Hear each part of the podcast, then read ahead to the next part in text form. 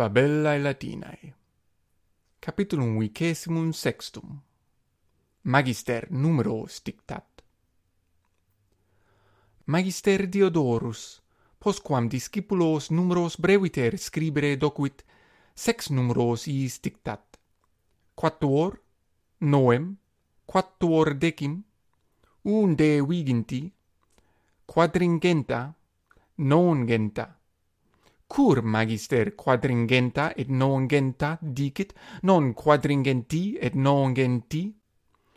Numeri qui ingenta desinunt, sunt neutrum pluralis. Quisque discipulus suo modo numero scribit. Sextus sic scribit. IU, IX, XI, XIX, k m Titus sic. Iu, ix, xiu, xix, xl, xk. Marcus sic. I u iiii, x iiii, xu iiii, kkk, d kkk. Diodorus, postquam numeros dictavit, et discipuleos scripserunt, tabulam cuiusque discipuli in manu sumit, et spectat id quod scriptumst. Nemo discipulus omnes numeros recte scripsit, ad magister sextum et titum quattuor numeros recte scripsisse videt. Vos, inquit, quattuor numeros recte scripsistis, sextetite sextus.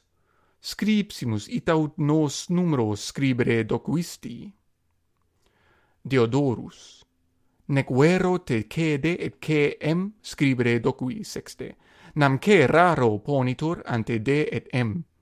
Quadringenta et nongenta rectius scribuntur che che che che et de che che che che. Marcus. Egita scripsi Marcus dicit, seita scripsis se.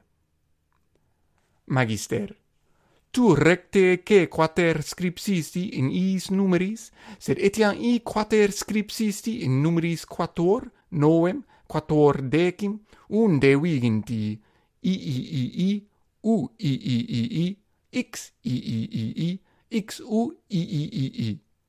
Ite non docui, Scio antiquos Romanos toties i scripsisse, sed hodie littera i ponitur ante u et x. Quattuor scribitur i u, noem i x, quattuor decim x i u, unde viginti x i x. Hi numeri recte scripti sunt a sexto et tito. Magister dicit, hos numeros a sexto et Tito recte scriptos esse. Tu magister se vertit a Titum, qui XL et XK scripsit, et sed cur tu inquit XL et XK scripsisti?